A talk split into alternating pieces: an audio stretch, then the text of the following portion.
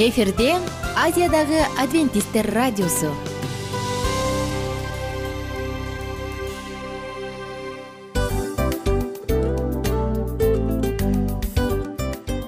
Достор салют. Баардык сүйүктүү угармандарыбызга салам айтабыз. Кутман күнүңүздөр менен. Ден соолук өмүрдүн булагы демекчи саламат саамы программасында баарыңыздарды көргөнүбүзгө абдан кубанычтабыз. Анда алгач амандашып өтөлү арбаңыздар деп. Ден соолугуңуздар кандай элибизде көбүнчө ден соолук кандай дегенде эле жакшы деп жооп беребиз э? ооруп турсак дагы жакшы дейбиз. Анан мен муну айтып ойлойт элем бул абдан сонун сөз депчи анткени бул жакшы деген үмүт да э баары жакшы болот. Баары сонун. Деп үмүттөнүп атып эле өзүбүздү өзүбүз дарылап коебуз.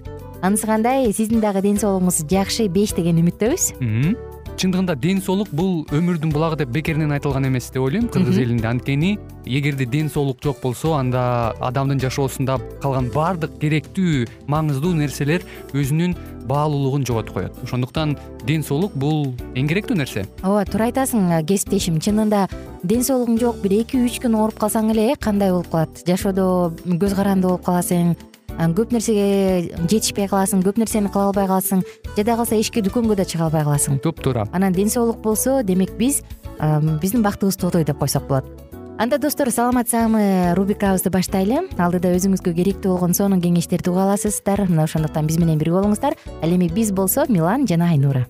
Кеттик алга. Алга саламат саама ден соолуктун жарчысы. Саламат саама ден соолуктун ачкычы. Күн сайын сиз үчүн мыкты кеңештер сонун жаңылыктар кызыктуу фактылар биздин рубрикада.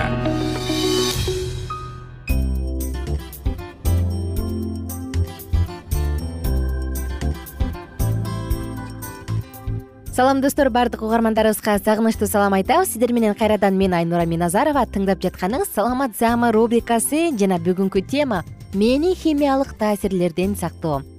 Мурунку уктуруулардан эсиңизде болсо бир аз айта кетели мээни химиялык эле эмес физикалык таасирлерден дагы сакташ керек дегенбиз. Бул мээнин чайкалышы. Же болбосо жалпы элге таандык болгон сотрясение деп аталган нерседен сактоо. Эми болсо бүгүн мээни химиялык таасирлерден дагы сакташ керек. Бул жөнүндө айтып берели. Достор программабыздын башында гректердин баатыры ахил жөнүндө айтып берейинчи ал өзүнүн жеңилбестиги менен даңкталчу. Анын апасы фетида ахиланы стикс суусунун жер altындагы өлбөс суусуна жуунтчу суу аида деген коркунучтуу падышачылык аркылуу агып өтчү. Ахиланын согончогу жана өлтүрө турган солгончогу гана өлтүрө турган жаракаттардан корголгон эмес. Анткени апасы жуунтуп жатканда дал ушул согончогунан кармап алчу экен ахил укмуштуу күчтүү болуп чоңоет. Күчтүү жигит болот. Ал эч кимден коркчу эмес жана жеңилгис эле анан баягы трояндар жеңиле баштаган кезде аларга аполлон кудай болушат. Аполлон троянын коргоочусу паристин жебесин ахилдин согончогуна багыттап коет. Ал учурда ахил тизелеп алып жаа атып жаткан. Бир эле алсыз жерине тийген жаа баатырды өлүмгө алып келет бул э, тарыхты бул окуяны эмнеге айтып берип атам достор? Биз кээде ойлойбуз э мен эч нерсеге жеңилгисмин. Мен эч нерседен жабыркабайм деп. Бирок ошондой болгон күндө дагы биздин жабыркап калчу бир жерибиз бар. Албетте бүгүнкү идея бүгүнкү тема мээге арналат мээни дагы олуттуу бир жеңилүүчү туруксуздук болуп калчу нерселери өтө көп. Ошондуктан алардан коргоо зарыл бүгүн сиздер менен мээбизди химиялык таасирлерден кантип сактап кантип коргой алабыз? Мына бул жөнүндө сөз кылабыз. Деги эле химиялык таасир деген эмне? Алдыда сонун кереметтердин баардыгын айтып берүүгө даярбыз. Ошондуктан биз менен бирге болуңуздар. Мээни химиялык таасирлерден сакташ үчүн эң эле биринчи кезекте алкоголдук ичимдиктерди ичүүдөн качыңыз. Окумуштуулар мындай дейт. Көптөгөн изилдөөлөр бир аз эле бир аз эле алкоголдук ичимдигин жутуп коюу мээдеги бир топ нейрондорду өлтүрүүгө алып келет дейт. Ар бир сайын биз кичинекей эле бир эле жутум алкоголдук ичимдигин спирт ичимдигин ичкен сайын мээбизге кайрадан калыбына келгис чоң зыяндарды алып келет экенбиз. Биз канчалык көп ичсек ошончолук көбүрөөк жаракат алабыз. Мээбиз жаракат алат өзгөчө балдар жана өспүрүмдөр үчүн алкоголдук ичимдикти ичүү өтө эле коркунучтуу алардын өсүп жаткан мээси ушул уулуу заттарга өзгөчө алкоголго туруштук бере албайт. Өтө эле сезгич келет. Ошондуктан достор көптөгөн балдар жана өспүрүмдөр өзгөчө кыздар алкоголдук ичимдикти ичпей койгондон кийин дагы алардын канында бир топко чейин кала берет. А бул канында калган спирт алкоголь аны бир топ зыянга дуушар кылат бүткүл дүйнөлүк саламаттык сактоо уюмунун бир миң тогуз жүз токсон бешинчи жылы кабыл алынган алкоголь боюнча европалык хартиянын үчүнчү абзацында мындай деп айтылган. Ар бир бала жана өспүрүм алкоголду пайдаланган жаман кесепеттери мүмкүн болушунча алкоголдук ичимдиктерди жарнамалаган пропагандалаган нерселерден коргонгон коркунучсуз чөйрөдө өсүүгө жана өнүгүүгө укуктуу дешкен жалпысынан ала турган болсок достор мээге эң эле чоң зыян алып келе турган бул спирт ичимдиги. Спирт этил спирти. Этил спирти баардык спирт ичимдиктеринин курамында бар. Ал суу менен аралашат. Аралашкан соң денеге өзгөчө кан көп топтолгон органдарга топтоло берет. Албетте мээде кан көп. Негизинен мээ гемоэнцефалистик барьер менен уулуу заттардан корголгон бирок ошентсе дагы этил спирти ал тоскоолдукту жеңип өтөт. Элестетип көрүңүз кандай гана коркунучтуу эгерде сиз кечки тамак учурунда бир эле бокал кызыл вино ичип койсоңуз муну ой пайдалуу да десеңиз анда мээңизге эң чоң коркунуч туудуруп жатасыз. Кийинки кезек. Кийинки кезекти биз тамеки чылым жөнүндө айта кетелик. Никотин. Никотин дагы бир гана өпкөгө эмес бир гана жүрөк кан тамырларына териге эмес а мээге дагы эң терс таасир тийгизет. Ал адамдын көңүл буруусун эс тутумун бир нерсе кабыл алуу жөндөмүн жаңы маалыматтарды кабыл алуу жөндөмүн начарлатат. Адамдын дагы да биология анатомиясын айта турган болсок өтө эле кызык жакынкы арада окумуштуулар мындай жыйынтыкка келишкен. Чылым чегүүнүн натыйжасында адамдын мээсинин сырты жабыркайт дешкен. Ал эми адамдын мээсинин сырты сырты бир нерсе таанып билүү функцияларын тил жана кабыл алууну өтө эле чоң жооп берүүчү учуру дешкен. Мына ошондуктан канчалык адам темекини чылымды көп чексе анын мээсинин сырты ошончолук тез карый баштайт. Негизи ал өзү эле карууга жөндөмдүү убакыттын өтүшү менен ал тери өзүнөн өзү эле карыйт бирок биз тамеки чегүү менен кароо процессин ого бетер тездетебиз. Бул процессти абдан тездетип коебуз. Мына ошондуктан достор эгер сиз тамеки чегип жүрүп аны таштаган болсоңуз бир нече күндөрдөн бир нече жылдарга чейин анын териси тез картая берет картая берет картая берет. Анткени организмде никотин калып калган. Албетте мындай өтө эле коркунучтуу мындай нерсе адамдын мээсине адамдын ден соолугуна дагы чоң зыянын алып келет ал эми никотинге көнүп калган мээ болсо ал жок башка нерселерге алаксый албай маанай түшүп күчү азайып кандайдыр бир олуттуу маселелерди чечүүнү көпкө чейин жоктоп көпкө чейин көрүп келет. Ошондуктан достор абайлаңыздар. Эгерде тамеки чеккен зыяндуу адатыңыз бар болсо анда андан арылганга аракет кылыңыз убактыбыз өтө гана аз калды. Ошондуктан кийинки уктурууда дагы ушул программабызды эле улантабыз. Кандай химиялык таасирлерден сакташ керек? Деги эле никотин кандай? Эмнеси менен коркунучтуу мына ушунун баардыгын кененирээк айтып берүүгө даярбыз. А сиздерге кааларыбыз айлана чөйрөңүздө дайыма сизди курчаган адамдардын сонун гана адаттары болсун жаман азгыра турган чөйрө алыс болсун жана бекем ден соолук тапылыңыз. Кайрадан амандашканча күнүңүздөр көңүлдүү улансын саламат саама ден соолуктун жарчысы. Саламат саама ден соолуктун ачкычы. Күн сайын сиз үчүн мыкты кеңештер сонун жаңылыктар кызыктуу фактылар биздин рубрикада. Салют замандаштар баарыңыздарга ысык салам. Дил маек программабызга кош келиңиздер. Дил маек рубрикасы дегенде эле бул эмне болгон дил маек? Ким менен маектешебиз деп сурайт болуш керек угармандарыбыз бул рубриканы кыскача тааныштыра кете турган болсок ар тарап кесип ээлеринен болгон сонун интервью кеңештер бар. Ооба. Жылдыздар менен болгон маек бар. Аталарыбыздын агаларыбыздын чоң аталарыбыздан сонун кеңештер бар.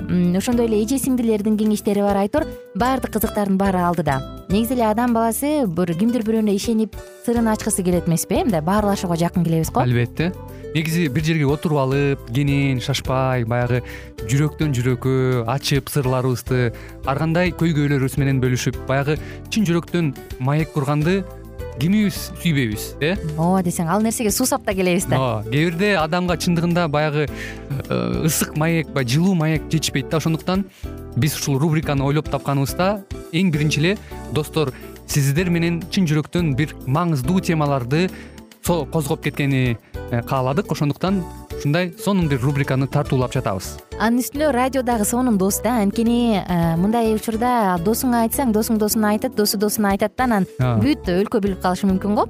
А радио болсо сени сатпаган сенин айыбыңды ачпаган. Сенин сырыңды эч кимге айтпаган сонун дос мына ошондуктан биздин алдыдагы айта турган кеңештерибизди биздин досторубуздун кеңештерин угуп анан ал жака пикириңизди дагы калтырып кайрадан биз менен байланышсаңыздар болот. Деги эле жашооңузга эгерде кичине болсо дагы өзгөрүү алып моралдык жактан моралдык жактан сонун бир кеңештерди алсаңыз демек биз максатыбызга жеттик. Ооба. Чыңгыз атабыз улуу жазуучу э, чыңгыз айтматов айткандай адам болуу бул күнүмдүк процесс экен. Күн сайын адам бойдон калуу бул адамзатка эң эле кыйын дейт э? э эң кыйын дейт. Чындыгында бунун э, негизинде адамдын эң баягы сапаттуулугу адамдын адамгерчилиги жана көптөгөн керектүү нерселер. Мына ошол темалар дагы бизде э, ушул дил маекте биз аларды да козгойбуз. Э, ден соолук жөнүндө да сүйлөшөбүз. Сөзсүз түрдө. Анан милан мырза негизи айтып коюшат го?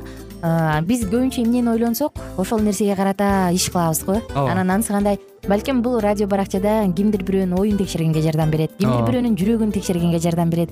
Балким кимдир бирөөгө жашоонун маңызын тапканга жардам берер. Айтор кызыктын баары алдыда бул жөн гана кыскача жарнама анда угармандарыбыздын баардыгын кийинки рубрикабызга чакырабыз. Ал эми кызматта маңдайымда отурган кесиптешим милан жана мен айнура. Анда эмесе биз даярдаган терең терең ойлор менен таанышууга кеттик. Алыс алыс баралык анда эмесе достор биз менен бирге болуңуздар. Алдыда эң кызыктуу маалыматтардын баардыгы бир нече мүнөттөр бою жалгыз гана сизге арналат мына ошондуктан жакшы маанай менен угууну каалайбыз. Үн алышканча. Жөнөдүк. Ар түрдүү ардактуу кесип ээлеринен алтын сөздөр жүрөк ачышкан сыр чачышкан сонун маек дил маек рубрикасында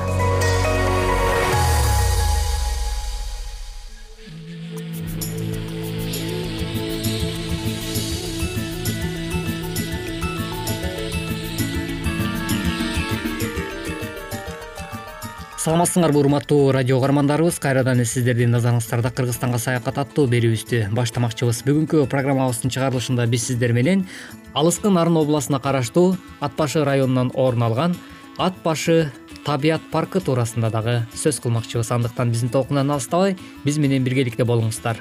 Ат башы заказники нарын облусунун ат башы районундагы аңчылык башкача айтканда корук жер кайыңды жана ат башы сууларынан жана ат башы суу сактагычынын жанындагы токойлуу жана бадалдуу жерди ээлейт.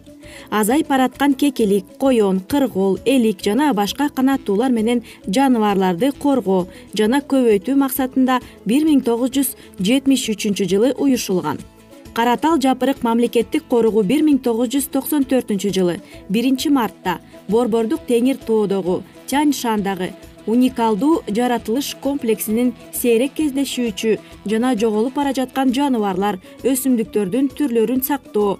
Аймактагы жалпы экологиялык баланстын туруктуу абалын камсыз кылуу иш аракетин көрүү жаратылыш процессинин табигый агымын сактоону изилдөө табигый шартта эркин көбөйүүсүн камсыз кылуу жана чектеш аймактарга жайылтуу максатында комплекстик корук катары түзүлгөн нарын облусунун нарын жана ак дала райондорунун аймагында. Тоолуу сөңкөл көлүнүн түштүгүндө. Корго тоосунун түштүк чыгышында. Кажырткы суусунун оң курамы болгон кара тал менен жапырык сууларынын алаптарында жайгашкан. Корук бир миң тогуз жүз токсон төртүнчү жылы биринчи мартта уюшулган. Аянты беш миң тогуз жүз сексен гектар. Нарын облусунун нарын жана ак дала райондорунун аймагында тоолугу соң көл көлүнүн түштүгүндө корго тоосунун түштүк чыгышында кажырткы суунун оң курамы болгон кара тал менен жапырык сууларынын алаптарында жайгашкан. Коруктун негизги максаты ички теңир тоодогу мүнөздүү болгон уникалдуу табигый жаратылыш комплексин карагай арча токойлорунун туташ массиви бадалдар менен шалба сактоо жана аларга илимий изилдөө байкоо жүргүзүү болуп эсептелет коруктун аймагынын орточо бийиктиги эки миң беш жүз эки миң алты жүз метр бийиктикте жайгашкан. Жеринин бети кокту колот өрөөндүү корукта бугу элик жана башка жаныбарлар кездешет. Корукта уникалдуу табигый комплекстерге багытталган илимий изилдөөлөр жана байкоолор жаңыдан гана жүргүзүлө баштады. Коруктун туңгуч жетекчиси белгилүү коомдук ишмер кадыркул базарбаев болгон эки миң он экинчи жылдан бери коруктун директору биолог токой чарба адистер эмгектенип келишет. Алардын бири бир миң тогуз жүз сексен алтынчы жылы орусиянын карелия автоном республикасынын борбору петрозаводск шаарындагы айтылуу петрозаводск токой чарба техникалык техникумунун аяктаган. Токой чарбасынан технологиялык жактан жабдуу жаатында атайын адистик билим алган алардын экологиялык көйгөйлөргө арналган бир катар илимий жана публистикалык материалдары жана маектери жарык көргөн. Кээ бирлери африканын айрым өлкөлөрүндөгү кыргызстандагы жана орусиядагы эл аралык экологиялык жыйындарга семинарларга катышып коруктарды заманбап уюштуруу тажрыйбалары менен таанышкан жана кыргызстандык заманбап тажрыйба тууралуу маалымат беришкен эки миң он төртүнчү жылы жыйырма экинчи майда нарын шаарында кара тал жапырык мамлекеттик коругу жыйырма жылдык маарекесин белгиледи. Жаратылыш коругунун жыйырма жылдыгы боюнча атайын жыйынга кыргызстандын өкмөтүнө караштуу курчап турган чөйрөнү коргоо жана токой чарбасы мамлекеттик агенттигинин директорунун орун басары жана жаратылыш коругунун жетекчилери катышкан маарекелик жыйында ачып берген өкмөттүн өкүлү өз куттуктоосу менен катар жаратылыш байлыктарына токтолуп ушул жылдар ичинде өз милдеттерин так аткарган иш аракетине баа берип бүгүнкү маарекелери менен куттуктап иштерине ийгилик каалады. Жана дайыма кесиптик милдеттерин так аткара беришине тилектештигин билдирди. Ошондой эле беш таш табият паркы туурасында дагы айтып кетпесек болбос. Беш таш табият паркы бир миң тогуз жүз токсон алтынчы жылы түндүк батыштагы кыргыздын табигый комплекси жана биологиялык ар түрдүүлүгүн коргоо максатында уюшулган. Парк талас өрөөнүндө талас ала тоонун түндүк капталынын борбордук бөлүгүн ээлейт. Парктын аянты отуз эки миң төрт жүз он бир гектарга жетет. Аймагында татаал өсүмдүктөрдүн сегиз жүздөн ашык түрү кездешет. Алардын ичинен жыйырма сегиз түрү токой менен бадалдарды түзөт. Жана паркта жаныбарлар дагы бар. Булар элик түлкү суусар арыс чил илбирс түркстан сүлөөсүнү кумай ителги көк жору жана башкалар. Беш таш суусунда жилиңгир бар. Табият паркында жакынкы жылдарда калктын жана чет элдик туристтердин эс алуусу уюштурулган. Бирок эс алуучулардын айрыкча чет элдик туристтердин саны азырынча чектелүү. Ошондой эле ат башы аймагынан орун алган кошой коргон туурасында дагы айтып кетпесек болбос кошой коргон ат башы өрөөнүнүн борборунда орун алган. Жер шаарына жараша стратегиялык ыктуу жайгашып байыркы учурда ушул жер менен өткөн соода жолу жана бүткүл өрөөндү тескеп турган. Шаар эки миң кырк беш эки миң элүү метр келген төрт бурчтук форманы ээлеп жатат. Сакталып келген дубалдардын бийиктиги төрт сегиз метрге чейин жетет дубалдардын жана сепилдердин айрым жерлеринде кийинки ремонт иштеринин издери жана жоон жыгачтардын калдыктары сакталып калган. Алар курулуш материалдары катары пайдаланса керек. Шаарды казып көргөн кезде курулуштардын калдыктары табылды. Алардын дубалдары кыш менен салынган. Таманына топурак жана жалпак таштар төшөлгөн. Үйдүн ичинде очоктун издери сакталган. Бир бөлмөнүн керегесинин шыбагында көк кызыл ак жана сары боек менен жүргүзүлгөн оймо чийменин издери бар. Бөлмөлөрүнөн ар кандай материалдар жаргылчак чоподон таштан сөөктөр жасалган ийиктер алардын айрымдарын оюу салып коюлгандыгы да табылган. Темир буюмдардан болсо жаанын уучтары бычактын сыныктары сакталып калынган урматтуу угармандарыбыз мына ушинтип бүгүнкү программабыздын чыгарылышында дагы сиздер кыргызстанга саякат аттуу берүүбүздө кыргыз ала тоо мекенибизде орун алган табигый парктар туурасында дагы маалыматка ээ болдуңуздар. Бүгүнкү уктуруубузга кулак төшөгөнүңүздөр үчүн ыраазычылык билгизүү менен биргеликте бизге бөлүнгөн убактыбыз да өз соңуна келип жетти. Эмки берүүдөн дал ошол эле аба толкундан сиздер менен амандашканча сак саламатта болуңуздар ар түрдүү ардактуу кесип ээлеринен. Алтын сөздөр жүрөк ачышкан сыр чачышкан сонун маек. Дил маек рубрикасында.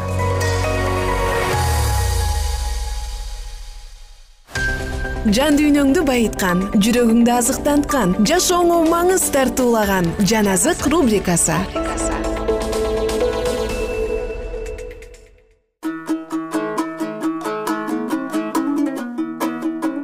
салют достор. Угармандарыбыздын жалпысына ысык салам айтабыз. Жана баарыңыздар менен кайрадан амандашуу мүмкүнчүлүгү бар экенине ушунчалык кубанычтуумун сиздер менен бирге анда алдыны көздөй жөнөдүк. Бүгүн улуу күрөш китебинен отуз биринчи баптан окуйбуз. Жаман рухтардын кытмыр изденүүлөрү. Көрүнгөн дүйнө менен көрүнбөгөн дүйнөнүн ортосундагы болуп жаткан байланыш кудайдын периштелеринин кызматы менен жаман рухтардын кытмыр изденүүлөрү адамзат тарыхынан ажырагыс бул көрүнүштөр жөнүндө ыйык жазуу ачык айткан айтып түшүндүрүп берет. Азыркы кездеги адамдар куткарылууну мураска алуучуларга кызмат кылган. Ыйык периштелерге жаман рухтардын бар экендигине көп ишене беришпейт жана өлгөн адамдарды рухтар катары кабыл алышат. Периштелер адамдын жаралышынан мурда эле бар болушкан. Качан жердин негизи курулуп жатканда бардык кудайдын уулдары кубанычтуу үн берип таңкы жылдыздар жалпы кубаттап турган. Аюб китеби отуз сегизинчи бап жетинчи аятта ушундай деп жазылган. Адам күнөөгө баткандан кийин али бир дагы адам өлө элек болсо дагы периштелерди бейиш багын кайтарып туруу үчүн кудай жиберген. Периштелер өз жаратылышында. Адамдардан күчтүү забырда адам периштелерден кийинки болуп жаралгандыгы айтылат ыйык жазууда биз асман периштелеринин санын күчүн жана даңкын жана теңирдин башкаруучулугунда куткарылуу ишинде алардын ээлеген ордун биле алабыз. Теңир өз тактысын асманга орнотту жана анын падышалыгы бардыгына бийлик кылат. Жана пайгамбар мындай деп айтат мен тактынын айланасында көптөгөн периштелердин үндөрүн уктум. Алар падышалардын падышасынын кабыл алуу бөлүмүндө күтүп турушкан анын сөзүн аткара турган күч кубаттуу теңирдин периштелери анын үнүн кунт коюп тиле алып анын буйругун аткаруучулар анын кызматчылары. Даниил пайгамбар миңдеген он миңдеген периштелерди көргөн. Элчи павыл болсо түмөндөгөн периштелер деп айтат. Кудайдын тапшырмасын аткаруу менен периштелер чагылган сыяктуу учуп жүрүшөт. Алар кандай кереметтүү жана алардын кыймылы кандай ылдам.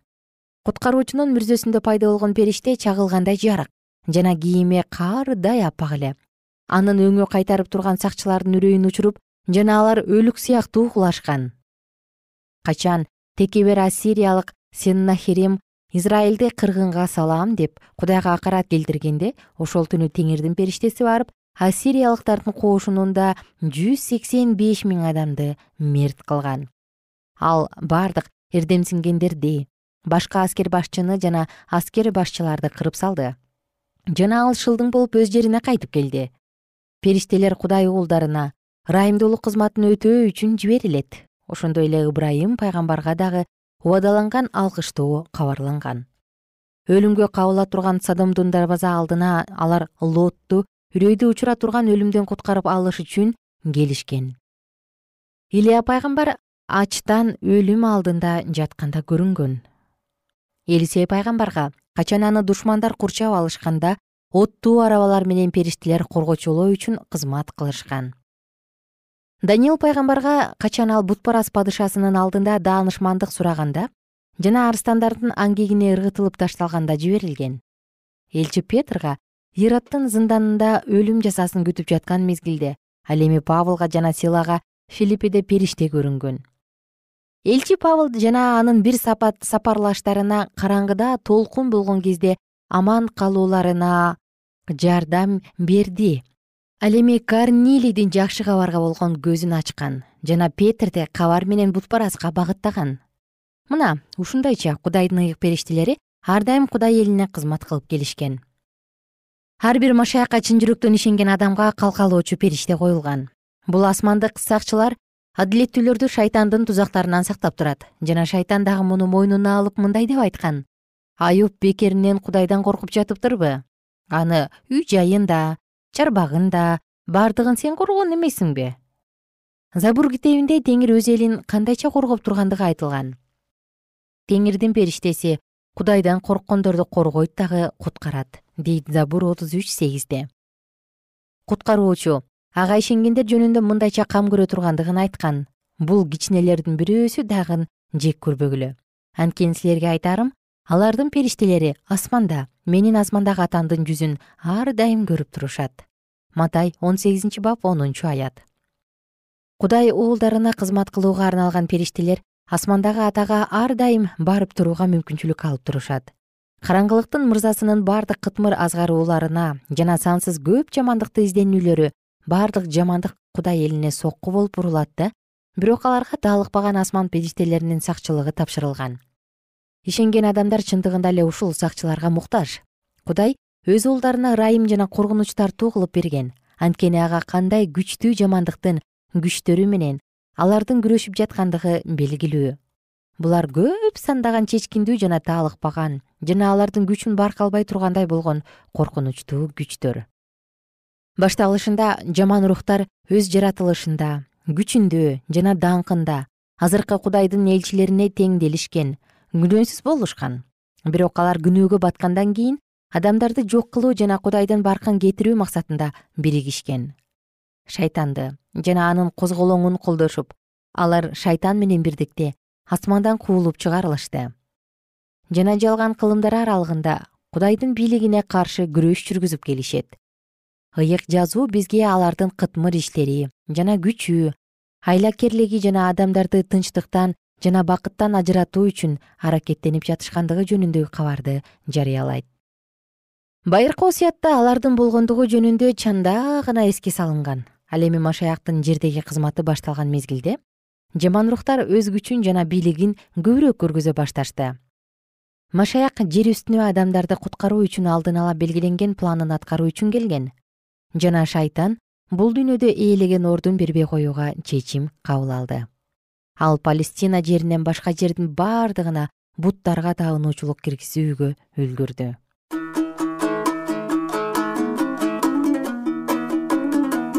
Кымбаттуу бурадар бүгүн сиздер менен улуу күрөш китебинен дагы үзүндү окуп өттүк. Жашооңузда болуп жаткан баардык күрөштөрдүн жеңүүчүсү сиз болуңуз баарыңыздарга убактылуу гана коштошуу саламын айтам. Анткени кийинки уктуруудан кайрадан амандашабыз. Күнүңүздөр көңүлдүү улансын маанайыңыз дайым беш болсун